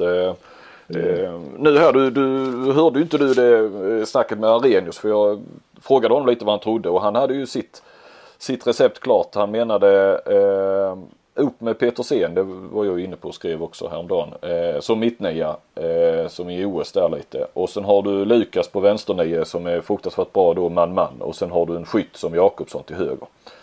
Eh, så, jag kan ju säga då, då, då blir det riktig vilda västern-handboll för Sverige alltså. Ja, ja det... Med det... två Ystad-killar där, Pedersen och, och, och Lukas. Ah, jag är lite tveksam på det. Ja, det är liksom din, din tränare tränarkänslan där, då vill man ha lite mer struktur. Lite mer trygghet i spelet. ja. så, så. Och det tror jag både Ola och Staffan Ja, jag tror det också. Eh, nej, och sen Cederholm, ja, alltså, han kan ju glimra till verkligen. Men eh, ja, min känsla är väl att Jakobsson kanske ändå ska vara första valet på något vis till, till en början. Jag tror de har problem med att ta ut den första, första sexa på något Ab sätt. Absolut. Eftersom man har så lite tid tillsammans. Ja. Men det gäller det kanske att ta ett beslut de här satsarna på. Så kör vi det får vi se om det, om det går eller inte. Ja för det beslutet får de ju ta nu för nu har de ju verkligen testat alla möjliga olika konstellationer och kombinationer de här dagarna, eller de här fem matcherna egentligen. Eh, som de vill eh, ja, inventera och så vidare. Jag trodde att de skulle sätta lite mer eh, Kanske det var mot Polen lite grann vi fick se ändå men det är klart då, då är det ju Lukas som ska spela mycket.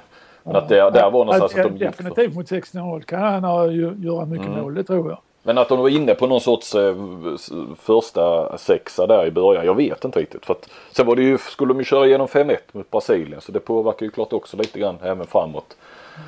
Vilka, vilka man hade med sig upp då och sådär. Så att, eh, men eh, nej, det är väl, som sagt det ska ju byggas bakifrån men eh, det är ju som Ola har ju rätt i det han sa igår att då måste man ju framåt då gneta mer alltså för de kommer ju få slita i uppställda anfallsspelen och då gäller det att att inte som igår då det var ju så hastiga och slarviga avslut och verkligen orutinen sken igenom och då blir det ju då får man inte heller spela uppställt försvarsspel eftersom det blir bara kontringar i röven hela tiden så då, då det är ju dit man måste hamna någonstans för att utnyttja målvakt och försvarsspel och egna kontringar. Ja. ja men smäller du in Sverige Alltså jag, Spanien, tar fyra, Spanien tar fyra poäng med sig. Sen är det en direkt avgörande match där mot Slovenien i första omgången. Mm. Den kommer inte bli jätteviktig. Men jag, jag, jag är optimist. Jag tror Sverige vinner den. Du skrattar. Nej men det är ju sådär, du är så, du, det, det är lätt för dig att säga som inte har sett matcherna i helgen tänkte jag säga. Du är lyckligt, ja, tycker, lyckligt säger, omedveten. De har varit en bra målvakt och bra försvarsspel och bra kontringsspel och det, det räcker långt. Ja. Hoppas. Ja, vi hoppas på det. Jag tror Spanien 4, Sverige 2 med sig, Slovenien 0. Mm. Tyskland ut. Jag skrattar lite och det låter som nästan att man frossar i ett svenskt eh, kommande misslyckande. Så är det inte. Jag känner inte alls så. Jag, herregud, jag vill ju att Sverige blir liksom jag, jag, jag kommer ihåg inför, inför OS i, i London, då var du lika pessimistisk. Ja, det var jag.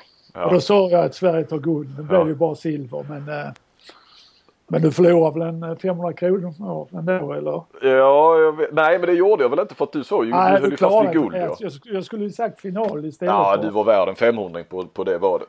Ja. Sen tror jag att det finns tillfällen också Kent-Harry där, du, där det var tvärtom. Där du har, har varit lite för optimistisk också. Kan jag inte minnas. Nej, Nej men jag, jag kan säga att jag blir direkt nedstämd. Det går liksom att börja tänka sådär och man förbereder så mycket och i regel förbereder man ju sig för liksom just i det jobbet jag gör med intervjuer och sånt där. Att det, ju, det blir gärna att man pratar om förväntningar och, och, och liksom vad ska man säga glada positiva vinklar liksom och det känns ju så här konstigt nu. Och, Då, då fick du en positiv vinkel här från mig. ja, jo absolut. Du, du räddar lite där. Men eh, nej, man vill ju gå in med en positiv känsla i ett mästerskap. Absolut. Ja, vi kastar oss vidare till grupp D i Gdansk. Det är ju Danmarksgruppen då. Danmark, Ungern, Ryssland och Montenegro. Och det betyder ju den gruppen som går mot Sverige sen i mellanrundan. Eh, ja, vad säger du? Danmark, Ungern, Ryssland, Montenegro. Ja, här kommer Danmark ta fyra poäng med sig och Mm. eh, sen tror jag Ungern tar två. Eh, de har ju Dusjebajev där. Intressant så Ja. se mycket han har fått till där på den här korta tiden. Är väl en av världens bästa tränare på sitt sätt på något vis. Det kan han kanske vara. Jag kan ju inte uttala mig om, men han är alltid intressant på något sätt. Ja, men det är det med. Ja, precis. Alltså, ja. Montenegro tror jag också kommer med där. Du tror det före det, Ryssland? det är lite hugget som stucket där. Mm. Eh, men jag, jag, får jag säga något så säger jag Montenegro. Ryssland åker ur. Och Montenegro vidare med noll poäng då eller? Ja, ja.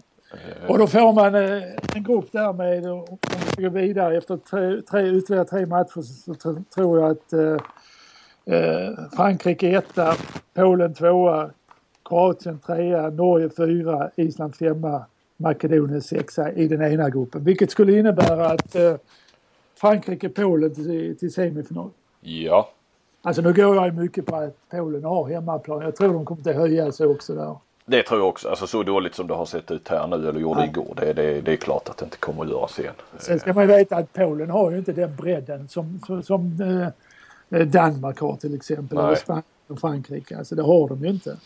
Men de har ju också en, en men de har ju en, alltså en generation som är kommen till åren och det här är väl deras sista. Ja. Det är Jag klart, de, de, de vill ju lyckas i ett OS också. Ja, men, ja. men att spela det här, det är ju lite som Bengan Boys EM, hemma-EM. Att, och då kan man väl tänka sig efter två matcher eller det tredje matchen på tre dagar och, och, och eh, som igår då mot Spanien och de märker direkt att de inte hänger med i första halvlek så ah, då kan man tänka sig att en del av dem inte kanske ger allt i, i, sådär utan börjar tänka framåt mot EM istället. Jag vet inte.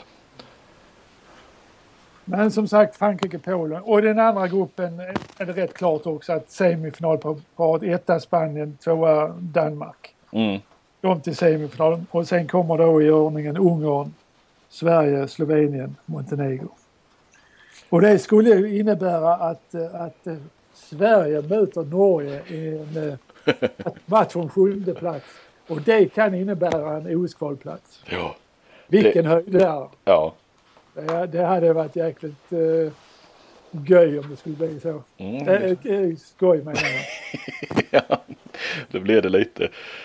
Eh, ja, det, det, är om jag nu har det här med OS-kval och det där, det är ju ett litet helvete och, och, och, och Ja, det klarar jag inte av. Nej, men eh, jag, om vi tänker att det blir så här så, så har du ju helt rätt för att för att då är ju Ungern så att säga före Sverige och Norge och tar den ena OS-kvalplatsen. De är ju inte eh, klara. Övriga lag som är framför eh, Sverige och Norge i det här är ju klara för minst OS-kval om inte direktplats till OS. Så att det bör ju bli en, en, en ren match om eh, en sista OS-kvalplats. Ja, det hade varit spännande, eller hur? Absolut. Vill, vill du i din roll som svensk, eh, som eh, gammal kompis till många och inte minst Ola Lindgren och, och sen jobba för Norge. Eh, vill man ha en sån match? Ja, jag skulle vilja ha det. Jag tycker det hade varit jätte, jättekul som sagt. Och, och eh, ja, jo det vill jag. Är du, eh, då får du hänga med Norge till ett OS om det blir OS eller? Ah, jag tror inte man har så många platser där för ledare. Det tror jag inte. men men eh, visst hade det varit eh, spännande om det blev en sån här match. Ja, ja fy fasen. Ja. eh, skandinaviskt derby där. Nej det hade varit hur häftigt som helst på, på många sätt. Ja. Samtidigt hade det ju inte varit dumt att ha haft med både Sverige och Norge i ett OS. Det hade ju varit ännu Ja, häftigare. det hade varit ännu bättre. Ja, eller till OS, nu ska vi se. Det ska ju till, de ska ju kvala också. Ja. Eh, för övrigt där, nu kommer det ju kastas om. Eh, eh, förmodligen lite grann beroende på, på placeringar i EM. Men jag tänkte på att eh, de här OS-kvalgrupperna nu. Jag kan ju bara nämna dem för jag har dem framför mig väldigt snart här. Förresten sitter du väl med, du hörs bra nu tycker jag. Det var ju lite så och så ja, kanske. men du vet jag har ju lånat Christian Berges, förbundskaptenens hörlurar. Ja, Och jag trodde jag hade de bästa på marknaden men detta här är ju riktiga Rolls Royce. Du vet jag, jag behöver inte sladd och grejer längre. Man bara sätter på dem på huvudet och sitter perfekt. och sen hör du mig liksom. Du sätter dem Jag på hör huvudet. dig och bra ljud och, och du hör mig. Men de, de är nog dyra de här ser du. Ja, ja Då får man nog ha en förbundskaptenslön för att kunna ha råd att köpa sådana. Eh, Precis va. Ju, nej jag skulle säga OS-kvalgruppen. Som det ser ut nu kan jag ju bara säga. Så är ju då eh, grupp 1. Det är den med bara två eh, europeiska lag. Där, är, för där blir det inte fler. Utan det är Polen och Slovenien. Och sen är det Chile klara och sen så är det vinnarna av afrikanska kvalet. I grupp 2 är det Spanien och Tyskland eh, just nu och Iran är klara och där ska in ett europeiskt lag till. Och i den tredje gruppen är det Danmark och Kroatien. Bahrain är klara där. Eh, Bahrain är klara ja. Och ett europeiskt lag till ska in där. Med reservation för att det kanske då, men vi vi får någonting att utgå ifrån. Det är ju en jäkla skillnad på grupp 1 med Polen och Slovenien och så inga fler europeiska lag där kontra den tredje med Danmark, Kroatien, ett europeiskt lag till. Ja, det är en tuff grupp den. Eh, Men eh, det är nästan som man får hoppas att det kastas om lite grann för att eh, för annars är ju, står sig det här så, så är ju Polen och Slovenien då, då är de ju med i OS. För de förlorar ju inte mot Chile och ett afrikanskt lag det tror jag. nej. Ja det ligger långt fram Kentari. Ja, det gör det. Eh, men du är positiv kring eh, Sverige och så. Men det, är- vad fan, vi får ju tippa vidare här. Vi har, Ja, vi får se. semifinalerna framme. Då har du Frankrike, innebär Danmark. det? Frankrike Dan- mot Danmark igen alltså. Ja. Och så Polen, Spanien. Alltså Polen, Spanien. Spanien går till final. Mm. Och sen är ju Frankrike, Danmark. Alltså jag kan säga innan den här turneringen så tippade jag Danmark där.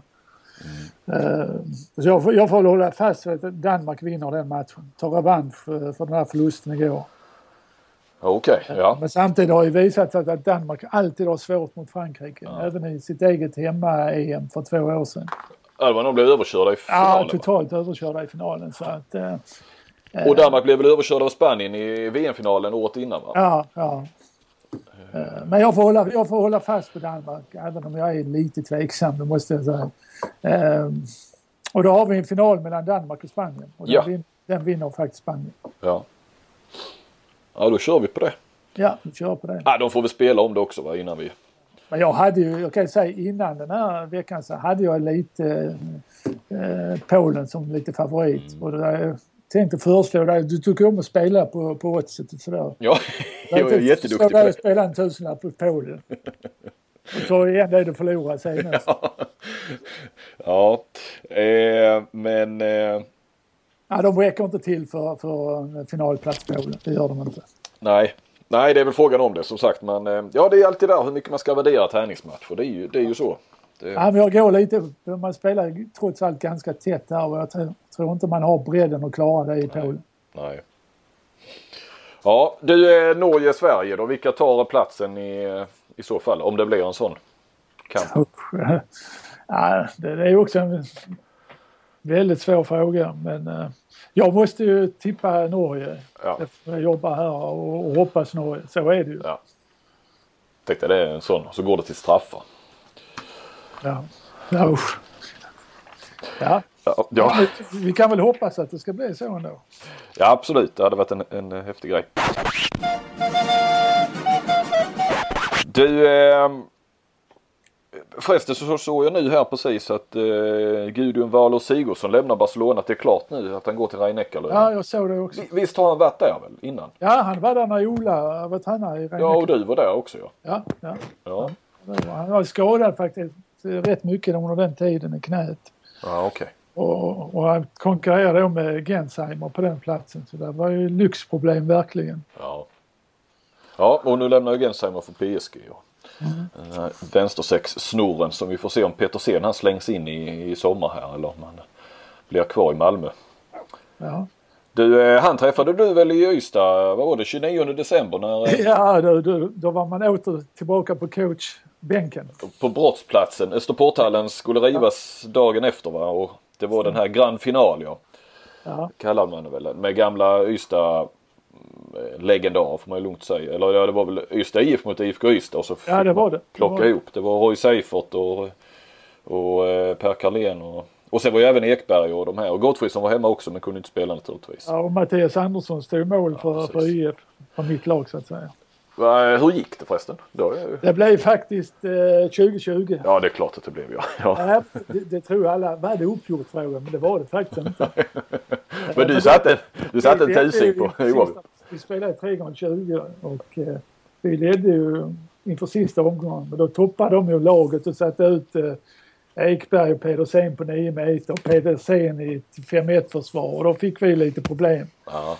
Eh, Det kunde inte du lösa? Som nej, tränare? ja, ja, vi hade nog inte time-out och sådär heller. nej, nej, det finns förutsättningar var dåliga då. för. Men, men det roliga, är roliga, roliga, det, det tråkiga var ju att eh, eh, den här matchen innebar då en krossad armbåge plus två hälsenor plus, plus en hel del muskelbristning. Ja, man ska inte skratta men det är det, det kostar ju en hel del. Jag, jag har aldrig sett Jesper Lindgren jobba så mycket som han fick göra under den matchen. Nej, att laga Kim Andersson i mästerskap det är rena picknicken. Nej, det var ingenting mot detta. Han var helt förtvivlad Jesper.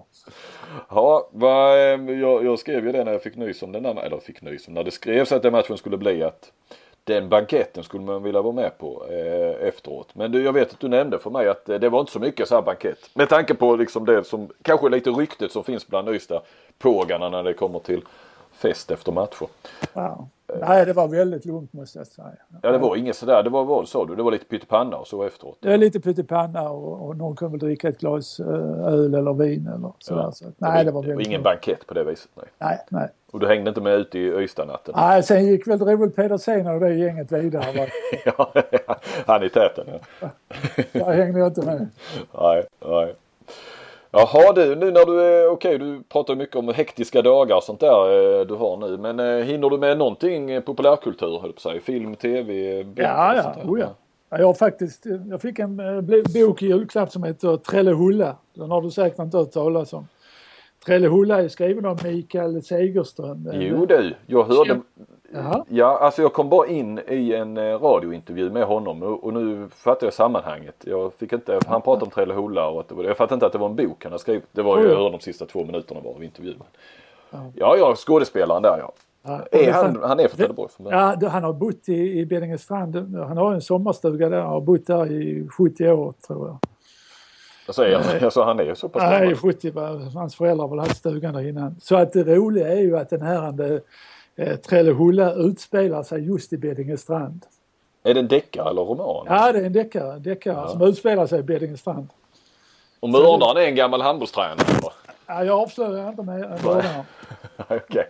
Men Är- eh, ja, det var kul att läsa. Ja, det kan. Är du med tror du? Är du förlaga för någon karaktär där? Nej, jag var inte med. Jag var inte med. Nej.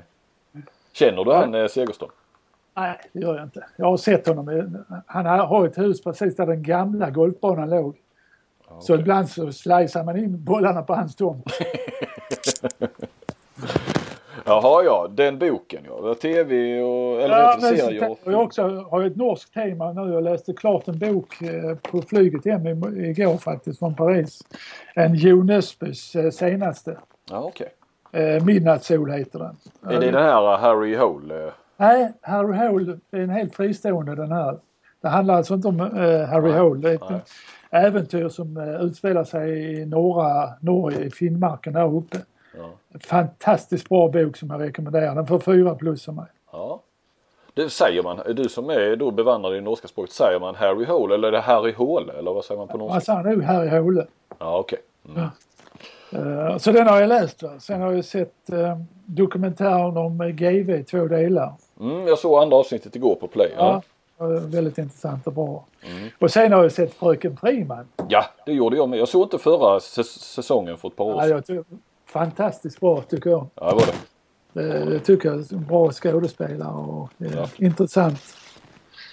Nej, sen har jag inte hunnit med. Jag tänkte börja idag nu när jag har fri dag och titta på den här Making Murderer som alla pratar om. Ja, jag har inte sett den. Alla pratar om den. Ja, Jag ska börja med den idag tänkte jag. Det är Netflix måste man ha då va? Ja, du måste ha Netflix. Jag är ju sist i världen med att skaffa i så fall. Jag har inte gjort det ännu nämligen. Ja, ja men det är mycket, mycket sevärt på den. Och, och det är så bra när man åker ut nu här i, till Polen och Frankrike. Man kan se det även där. Ja. Annars är det ju så med, med de flesta, flesta via Play. Du kan inte se det utomlands. Nej, det är geoblockat heter det väl ja. Ja, Ja, så det är lite tråkigt. ja, ja precis. Jag, var, jag måste slå ett slag för en film. En man, en man som heter Ove. Ja, det har jag hört. Har, Ja. hört. Jag har fått jättebra kritik. Ja, den var fantastisk. Ja, jag vet inte, jag tror jag började bli blödig på äldre dagar men jag tyckte man satt ju mest och, och med tårar Ja. i ögonen faktiskt. Ja, jag har läst boken den var ju också bra. Mm. Absolut, det var den. Jag tror nog att, eller tror, jag har också läst boken men jag minns inte riktigt, men att den var kanske lite mer det var lite roligare, det var lite mer humor i den. Alltså att filmen följer ju boken men att de har kanske lite mer av det här andra mer känslomässiga. Sen skrattar man ju emellanåt också naturligtvis. Men Ja, ja. ja den, ska jag se. den ska jag se. Rolf Lassgård klippt och skuren för den rollen. Ja, ja. Mm. Har du något annat du har sett eller läst? Du hinner inte med att läsa någonting. Du läser bara handbollssidor eller? Ja, nej, ja, jag försöker. Men jag läser, kör ju mycket deckare. Jag tycker det är rätt mysigt att ha någon sån deckare igång. Du, jag läser eh, en, en annan norrman som är någon sån här Nesbøs eh, avtagare på något vis. Eh. Jörn Lier Horst. Jag ser den, jag köpte två böcker. Den andra ligger här bredvid på kontoret. Eh, den första håller jag på att läsa, Jakttonerna. Ah, bladvändare. Det går, det går undan att läsa ja, den. ja, ja. Så att, eh, nej det har varit mest eh, deckare och sen så, nej, sen läser man rätt mycket tidningar och, lite eh, tidskrifter eller magasin och sådär. Så att. Eh, bra! Hade vi någonting, hade du någonting mer på hjärtat? Jag? Nej, jag träffade Pelle Kalén också där under den här matchen. Ja, förbundskapten i Israel. Eh, Förbundskapten Israel, ja. Han, han var tyvärr bara med i 10 minuter så fick han känningar i vaden. Så jag, jag fick spara honom. Ja, Så han fick sitta på bänken resten. Nej, men han, eh, han verkar trivas där nere och eh, han är nere tre månader i stöten berättar han. Okej. Och sen måste han åka hem och sen åker han ner igen. Va? Och det är lite samma upplägg vad jag förstår som Qatar har. Att han eh, samlar landslaget vissa dagar i veckan och, och tränar dem. Ja. Och sen åker han runt och tittar på matcher. Och de har spelat något eh, EM-kval nu. eh, Och eh, vunnit någon match men förlorat mot Portugal någon avgörande. ja, ja. Eller VM-kval måste det väl vara va? Då måste Ja, det var kanske VM-kval. det måste vara något som, ja precis. Men det är svårt att hänga med där vad de länder, man är ju aldrig, Sverige är aldrig Ja. inblandat i det där längre. Eller längre. Nej, Så han bor i Tel Aviv och försöker även introducera minihandboll där. Jaha. Så, Ja, det måste vara häftigt, häftigt land att jobba i och, Ja, alltså, ja. snacka om lite annorlunda kultur. Ja, så. det är verkligen en utmaning att åka dit ner. Men sen kan det ju, där kan, du, kan vi snacka om att det kan smälla också ju. Eh, Ja, ja verkligen. Men det är ju sån säkerhet sa han. Så att, eh, han känner sig ganska trygg där. Att han är nere tre månader åt gången, har det med visum och sånt att göra? Han har... Ja, det har nog med det att göra. Mm. Det, tror, det tror jag. Du eh, förresten, jag tänkte på Ola Lindgren här nu såg jag att Veszprem, det har varit mycket snack om honom till Veszprem, att eh, de eh, andra tränare nu hade skrivit på till 2017 eller vad det var. Ja, jag pratat med Ola om det också. Han sa det. Ja. Är det alltså, och då tar han över som första tränare han som... Och du vet hur det är att vara tränare alltså både i fotboll och handboll. Det, det, det kanske visar sig sen eh, eh, att man bryter kontraktet i sommar med honom. Ja, Eh, om de skulle, inte skulle, skulle göra bra ifrån sig här nu i Final Four i, i, i Köln i Champions League. så det kan vara mycket väl vara så att eh, vi kan skita Ola Lindgren där till, till sommaren ändå, eller till hösten. Man vet ju inte. Man vet ju som sagt var aldrig. Eftersom han har varit där två gånger ner nu och pratat med mig. Mm. Så är de ju klart intresserade av, av Ola. Absolut, men det är väl lite sådär va, det är nya, nya ägare, eller nya ledare, president och sånt där Ja, ja. Som gör oss Nej, alltså, jag tror Ola utgår ifrån att det inte blir någonting. Det tror jag. Mm. Så att eh, då kommer han ju stanna i Kristianstad. Men du, eh, förr eller senare och inte minst att han lär väl sluta som förbundskapten allra senast efter ett OS. Eh, vilket helt plötsligt gör ju att han inte har den. Det är väl till viss del kanske som har hållit kvar honom lite grann i Kristianstad också. Att han kan dubbeljobba. Då har han inte kvar det. Då öppnar ju sig på något vis en större marknad för honom kanske. Ja. Eh, och det jag ska fråga dig är vem ska ta över Kristianstad den dagen? För att jag menar jag tror att ja, försvinner han inte till sommar så försvinner han väl ändå inom ja, säsongen därpå. Mm. Eh, det är ju nästan lika kittlande som vem som ska ta över Sveriges landslag så småningom. Mm. Eh, med tanke på särställningen Kristianstad har. Va, va, ja, vad ser du? Intressant klubb träna. Ja, jag har ju ett namn som jag tycker man skulle fundera på. Det är ju Glenn Solberg som är assisterande tränare här i Norge. Ah. Och, och jobbar parallellt med ett eh, lag nu i, eh, i, i Norge, i Drammen. Andra, inte Drammen utan Drammen HK, ett annat lag som heter Sankt Halvard. I Drammen eller? I Drammen ja. ja Ligger ja. i, i serie under elitserien och har gjort det väldigt bra. Och han är, jag tror mycket på honom som tränare. Han är han är ambitiös, strukturerad och, och väldigt målmedveten. Så att eh, jag tror det hade varit ett spännande namn för Kristianstad. Ja det låter intressant. Och så skulle han kunna fortsätta och, och, och jobba med, med ja, Berge. Ja, som... ja, ja. Du, eh, ja men då kan vi, det kan vi väl se som klappat och klart för du är väl agent för IFK Kristianstad? Men sen vet jag inte, det är ju möjligt att Ola förlänger efter, efter ett år till. Va? Att han. Ja nu har han ju blivit pappa med. Och... Ja, och du, du vet, vet, nu byter man ju spelare hela tiden. Det är inte så svårt att vara tränare längre tid då. Uh, jag och menar, Kristianstad blir av med sina spelare varje år. Man får bygga nya lag varje år. Ja. Och du menar väl då att det är viktigt att ha kontinuitet på tränarsidan menar du? Eller vad sa du? Nej, alltså jag menar det är inte så konstigt för Ola om man skulle förlänga kontraktet ytterligare. Nej, nej. Men om man inte skulle göra det och ge sig ut i Europa så tycker jag att Glenn Solberg är det namnet som jag tycker är mest intressant för Kristianstad. Jag, kan, jag, jag, ska, jag, ska... jag, kan inte se någon sådär intressant i Sverige för tillfället. Nej. Jag skojar lite där men, men faktum är att du har ju varit en liten länk. Du, du blir ju beskylld för att vara agent åt IFK Kristianstad vilket vi ska betona att du naturligtvis inte är. Ja, jag har inte fått betalt för det i alla fall. Nej. jag kanske skulle säga att du, ja precis, här är ditt krav. Nej men du har ju, de har ju onekligen, lyssnar de väl på dig en del. Och klart att Ola gör ju det också sen gammalt. Men att du, du har ju varit med och förmedla en del eh, norrmän, norska spelare till, till Kristianstad. Nej, jag har väl, de har ju ringt och frågat mig vad jag tycker ja. om de spelarna. Så säger jag min ärliga mening. Ja, och nu kommer och det, du ringa och fråga om det är Solberg. Du kommer ju säga att honom ska ni ha. Ja, men Ola känner ju Glenn sen, sen tidigare. Ja, de spelar ihop va? De spelar ihop i Norton. Så att, eh, eh, men jag tycker han har utvecklat väldigt, väldigt bra som tränare också, det måste jag säga. Han sa ju alltid till mig på den tiden, jag ska aldrig bli tränare, men han har ändrat, gjort en hel omvändning där. Ja. Eh, ja. Ja, och så blir du lite mentor där kanske du? nej, det, det, är inte tanken. Det är inte tanken. Nej, nej, men det nej. finns alltid en.